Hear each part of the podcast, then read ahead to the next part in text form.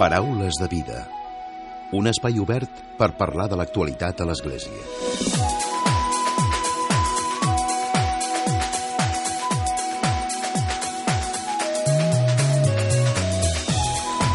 Què tal? Salutacions i molt bon dia, molt bon diumenge. Aquest cap de setmana s'ha commemorat el 50è aniversari de la refundació de Sant Miquel de Cuixà a la Catalunya Nord.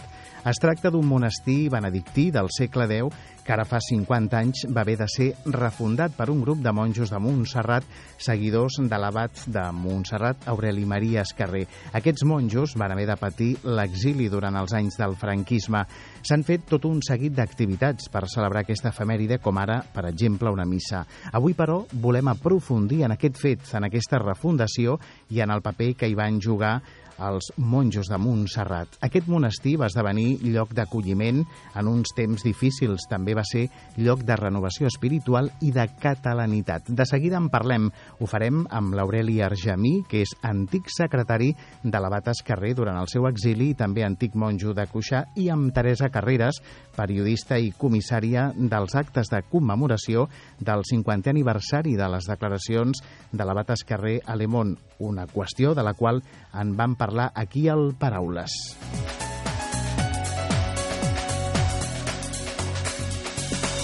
I com sempre, a la recta final del programa arribarà un nou comentari de l'actualitat de Francesc Romeu. Comencem.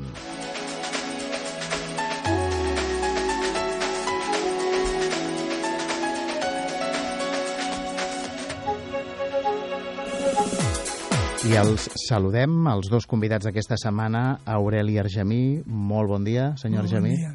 Teresa Carreras, molt bon dia. Hola, molt bon dia a tots. Parlem primer de tot, per situar els oients, aquest eh, monestir, el monestir de Sant Miquel de, de Cuixà. Sí, el monestir de Sant Miquel de Cuixà, com has dit abans, va ser fundat al segle X, després de l'abandó d'un altre monestir, segurament del segle VI o VII, que es trobava en ple Pirineus. Aquest monestir de Sant Miquel de Cuixà es troba al Conflent i eh, va tenir molta importància a l'edat mitja, sobretot per tot el procés de construcció de Catalunya. De fet, de Cuixà depenia, al primer moment, Ripoll, i un dels grans abats de Ripoll, l'abat Oliva, va ser abat de Cuixà. Durant l'edat mitja va tenir una vida esplendorosa, però a poc a poc es va anar pagant perquè els monestirs benedictins catalans sobretot es anaven es, es, es, eh, difonent per la resta de Catalunya que estava reconquerint.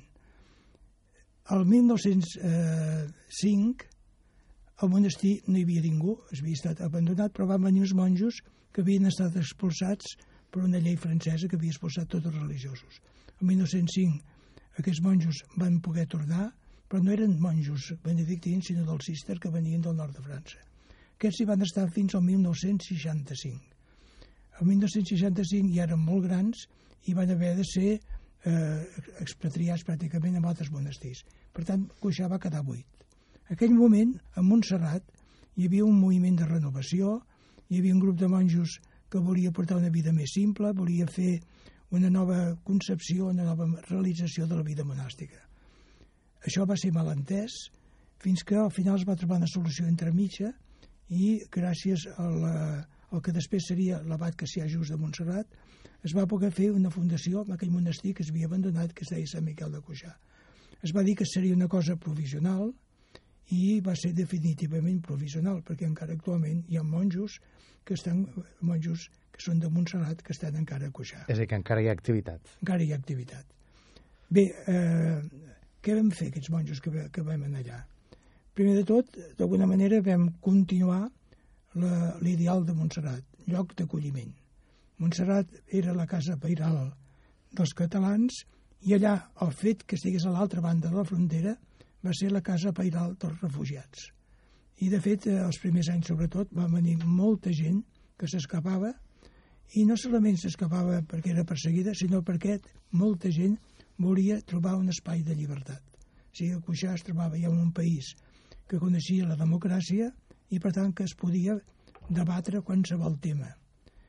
I, i finalment, un altre aspecte important de Cuixà, que de seguida va agafar un caire internacional. O sigui, no, no solament vam acollir a Cuixà persones que venien de Catalunya, sinó de la resta de l'estat espanyol, van passar-hi també molts bascos i d'altres països d'Europa. De, Sobretot, els, els que venien d'altres països d'Europa venien a Cuixà per poder veure com es podia portar una nova vida monàstica amb noves idees i com es podia renovar.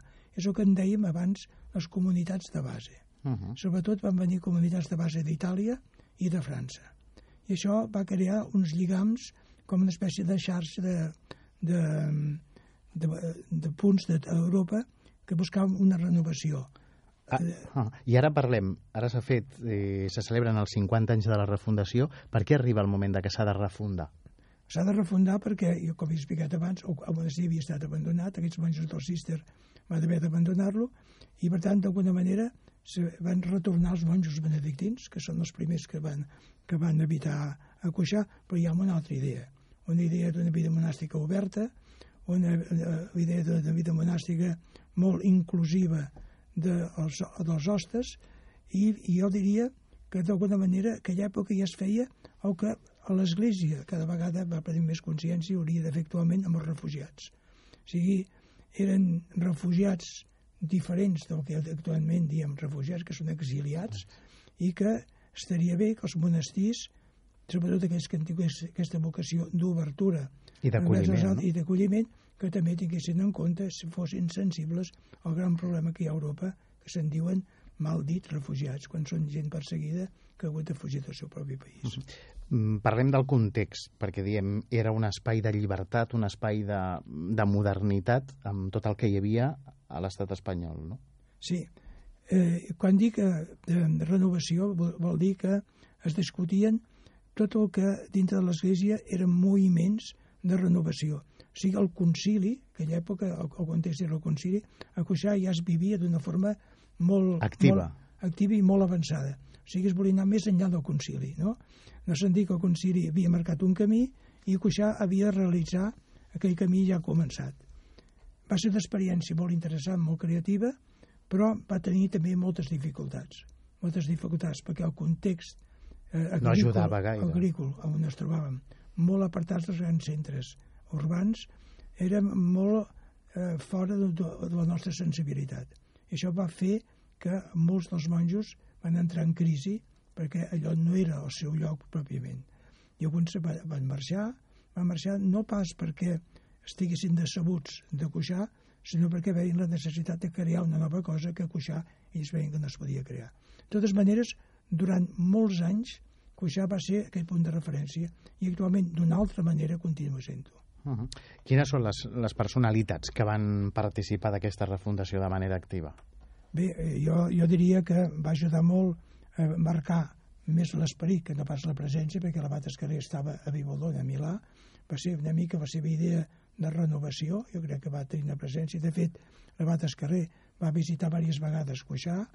Després vam tenir relació amb persones que estaven a l'exili, i una de les més important era Pau Casals, Pau Casals que tenia la seva antiga residència molt a prop de Cuixà, i allà a Cuixà es feia el festival Pau, Pau Casals de música, que encara continua. Després van venir altres personalitats, com per exemple el mateix president Tarradellas, havia vingut diverses vegades a Cuixà. O sigui, molta gent exiliada podia venir a Cuixà lliurement. Però també hi havia persones del nostre país que anaven allà. Jo recordo, per exemple, doncs, el mateix, el que seria després el president de la Generalitat, el, el, el president Pujol, i després molts altres que eh, a poc a poc vam veure que seria el futur de la política catalana. I a més a més aquí també entra un paper important el de la comunicació, el d'explicar tot això que potser a vegades passa desapercebut als mitjans de comunicació, sí. i Teresa? Jo penso que L'abat Escarrer va ser, i així ho vaig descobrir jo com a periodista, quan des de l'Associació de Periodistes Europeus de Catalunya vam endegar tot aquest any de celebracions de commemoració del 50è aniversari de les declaracions aquelles famoses de l'abat Escarrer, perquè li vam donar el premi en el cap d'internacional que va propiciar que es publiquessin en la portada de Le Monde. Doncs a mi em va semblar que eh, l'abat Escarrer ja va ser una persona que va propiciar el, di el diàleg a tot arreu. És a dir, entre iguals, bàsicament, i també en els mitjans de comunicació. Ell hi creia profundament i per això ell des d'aquí, amb la seva colla d'amics, amb Benet i, i tota la gent que, que estaven amb ell, doncs van intentar que aquelles declaracions arribessin a Le Monde, no? I per tant, eh, jo estic molt contenta perquè jo veig que eh, aquesta commemoració, aquesta refundació de, de Cuixà, que, que vam celebrar ahir, doncs realment ha estat una mica la continuació. I llavors a mi, en relació a això que tu em preguntes, Emili, sí que penso que a vegades, aquest és un tema, la refundació de Cuixà, l'abat Escarrer, són temes que són religiosos, en part perquè són espirituals, però bàsicament són polítics i són socials. Té una transversalitat. No? Sí, jo crec que són molt transversals. I llavors a mi, mm, particularment, no m'agrada que només quedin moltes vegades reduïts a mitjans propis de l'Església. En canvi, escolta, un centenar de persones, més d'un centenar de persones que ens vam reunir ahir a, a, a Cuixà, amb els actes. m'entens, amb tots aquests actes, això és una cosa a destacar, perquè precisament què és Cuixà? Cuixà va ser un reducte de diàleg. Què passa a l'estat espanyol? Ja ho hem vist. Eh, dues de, eh, dues eh, Um, Investidura, investidures fallides, no hi ha diàleg, ningú dialoga amb ningú, etc. El tema polític i el tema social, com deia l'Aureli, no? amb el Exacte. fet dels refugiats de l'acolliment a Europa. Exacte, no? jo ara hi volia arribar, ara hi volia arribar, és a dir, ells des d'allà, amb el diàleg que propiciava l'abat Escarrer, allà van acollir molta gent i, com dèiem en unes declaracions que va fer l'altre dia el Jordi Vilavadal, un dels que hi va ser, doncs ell ho va dir, diu, nosaltres voldríem una Europa diferent, una Europa que aculli a totes les esglésies, però a tota la societat, no només les esglésies, eh, aquests immigrants que venen a Europa estan trucant a les portes, fa més d'un any que els tenim a fora i que no, i que no poden entrar. Després, de, després eh, lligat amb això, a Cuixà precisament vaig tenir l'ocasió de poder fundar el Centre Internacional Escarrer per Exacte. les minories ètniques i les nacions, és a dir, o el CIEMIN, que, que encara funciona sí, que molt encara bé. Funciona. Uh -huh. funciona i que va ser precisament l'origen. Els contactes aquests que vam tenir amb diferents pobles va ser l'origen d'aquesta eh, fundació, que més tard es va completar amb la fundació Abat Escarrer pels drets dels pobles. Per tant, Cuixà d'alguna manera ha tingut una invenció que ha anat més enllà de Cuixà, però que va néixer de l'esperit que Cuixà va intentar d'assumir i de difondre. Uh -huh. Doncs avui n'hem parlat d'aquest esperit, ho hem fet al Paraules de Vida en conversa amb l'Aureli Argemí, que va ser antic, és antic secretari de l'Abat Esquerrer durant el seu exili i també antic monjo de Cuixà, i amb Teresa Carreras, periodista i comissària dels actes de commemoració del 50è aniversari de les declaracions de l'Abat Esquerrer. Ja fa dos anys, eh? Al diari Le Monde. Ja, uh -huh. fa, ja dos, fa anys dos anys que ho vam commemorar. Exacte, eh? que ho vam parlar també aquí en el, el Paraules. Sí, sí. Doncs ha estat un plaer. Gràcies i, gràcies. i que vagi molt bé. Molt bé, gràcies a tu i a tots els oients. Paraules de vida un espai obert per parlar de l'actualitat a l'Església. I tot seguit arriba el comentari de l'actualitat de Francesc Romeu. Francesc, molt bon dia. Molt bon dia a tothom. Si diumenge passat vam parlar de Santa Teresa de Calcuta com una monja contemporània nostra que ja ha arribat fins als altars com a santa, avui no em vull deixar passar l'assassinat fa molts pocs dies d'una monja catalana, Isabel Solà, en un atracament armat a la capital d'Haití, a Port-au-Prince. De fet, els nostres missioners, quan van als seus respectius països a treballar, hi van per compartir la mateixa vida i el mateix destí de la gent del lloc. I la Isabel, nascuda a Barcelona fa 51 anys i religiosa de Jesús Maria, estava en un dels països més pobres d'Amèrica, més difícil, més insegur i més violent del món, Haití. La vida de la nostra jove missionera ha estat certament exemplar, va ser una vocació realment prematura, als 19 anys, quan va decidir entrar a la congregació de Jesús Maria perquè volia ser missionera a l'Àfrica i viure lliurada als més pobres. Així ho explicava. I ho va aconseguir. Després d'un temps de formació acadèmica, en el qual va estudiar magisteri i infermeria, va ser destinada a Guinea Equatorial, on va estar al capdavant d'una escola de nens sense recursos durant 14 anys. I finalment, el novembre del 2008, va arribar a Haití, on era ara. Poc més d'un any després de la seva arribada a Haití, es va produir el terrible terratrèmol que va assolar tota la illa. Era el 12 de gener del 2010. Ella va sobreviure i recordava molt bé com sortint de la seva casa enrunada havia corregut cap a l'escola que s'havia esfondrat i on encara se sentia el crit dels nens atrapats. Mentre buscava d'on sortien les veus i els planys, en una segona sotregada es va ensorrar tot i ja només va quedar el silenci. Va ser aleshores quan va començar la segona etapa de la vida de la nostra germana Isabel.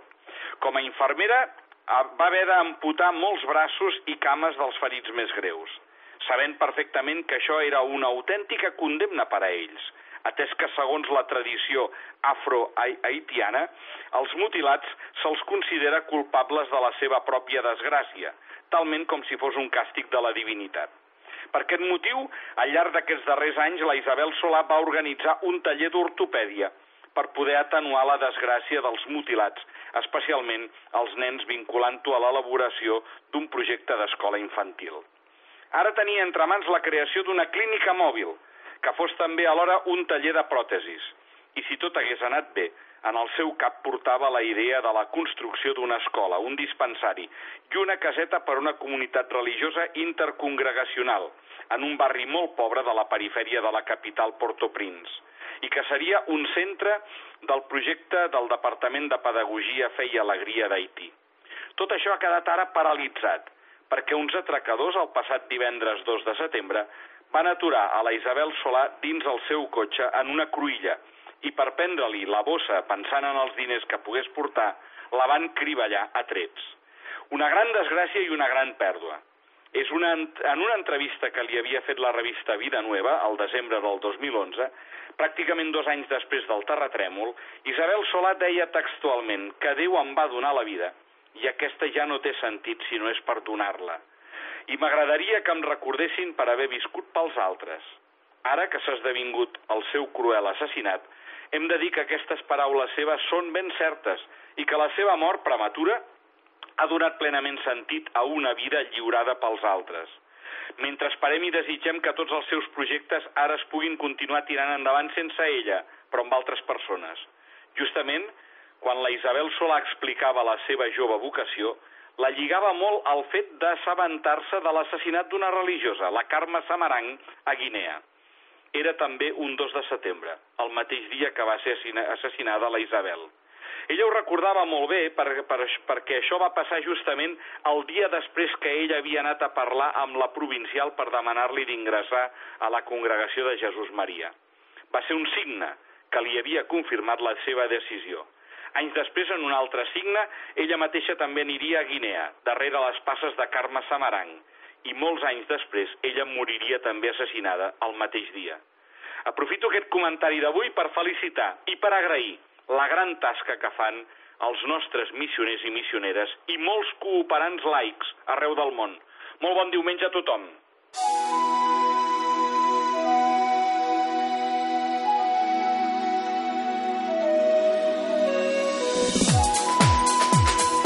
Amb el comentari de Francesc Rubeu posem punt i final a les paraules de vida d'aquesta setmana. En Josep Maria Campillo ha estat el control tècnic i qui us ha parlat, l'Emili Pacheco. Que passeu bon diumenge i una molt bona setmana.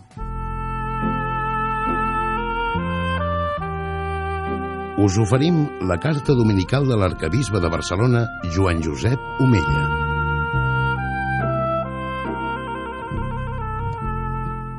Déu vos guard. D'aquí a uns dies celebrarem la festa de la Mare de Déu de la Mercè. Per primera vegada participaré en aquesta festa com a arquebisbe de Barcelona i m'uniré amb goig als que feliciten la Mare de Déu en el dia de la seva onomàstica. Amb aquest motiu voldria establir un diàleg cordial i senzill com el d'un fill amb la seva mare.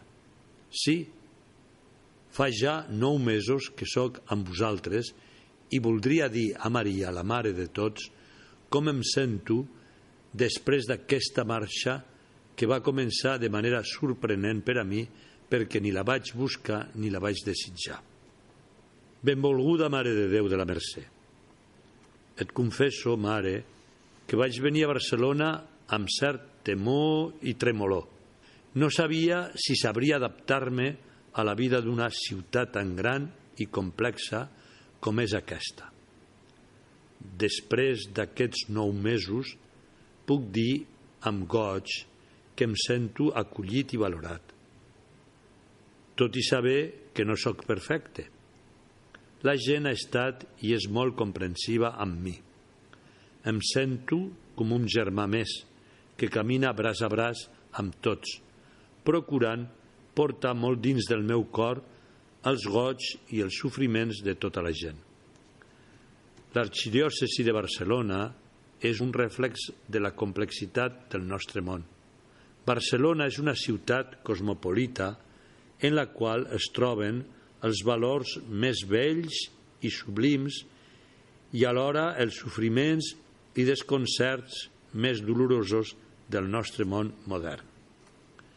Moltes persones han donat un sí generós i valent a Crist, el vostre fill, i el segueixen amb fidelitat i sense cap temor. D'altres s'han allunyat del camí de la fe o bé viuen sense referència a valors religiosos i transcendents o bé ni es plantegen la qüestió religiosa. Però he descobert amb satisfacció que en tothom hi ha una gran sensibilitat per donar resposta i ajudar als germans més desprotegits. Hi ha un gran corrent de caritat fraterna que es reflecteix en tantes i tantes organitzacions de solidaritat, tant d'inspiració cristiana com Càritas, com d'altres de caràcter civil. A la Jornada Mundial de la Joventut, celebrada aquest estiu a Polònia, he pogut descobrir que molts joves estimen Jesucrist, volen seguir les seves petjades i estan contents de pertànyer a l'Església. Viuen la fe sense complexos i amb entrega generosa als més pobres i necessitats. Ells ens auguren un futur esperançador tant per l'Església com per a la societat. Felicito aquests joves i els poso sota la teva protecció de mare plena de tendresa i de misericòrdia. Els animo a continuar per aquest camí de seguiment de Crist i a no deixar el grup cristià a què pertanyen. Junts es poden afrontar millor els reptes que ens planteja la vida. Moltes persones em pregunten com veig la situació social i política de la nostra terra catalana. Només et demano, Mare de Déu, que tots aquells i aquelles que tenen alguna responsabilitat i influència social i política treballin pel bé comú i per la construcció d'una societat més unida, més lliure i més justa i per aconseguir-ho cal sumar forces. Tots junts podrem més que separats. No hauríem d'excloure ningú en aquesta tasca de crear ponts, d'atendre els pobres i necessitats, d'establir àmbits de cultura, de formació i valors morals. No és admirable el que va fer la venerable barcelonina Dorotea de Chopitea? La seva vida es va conformar en dos grans eixos des del seu profund amor a Déu expressat a la cura dels més necessitats.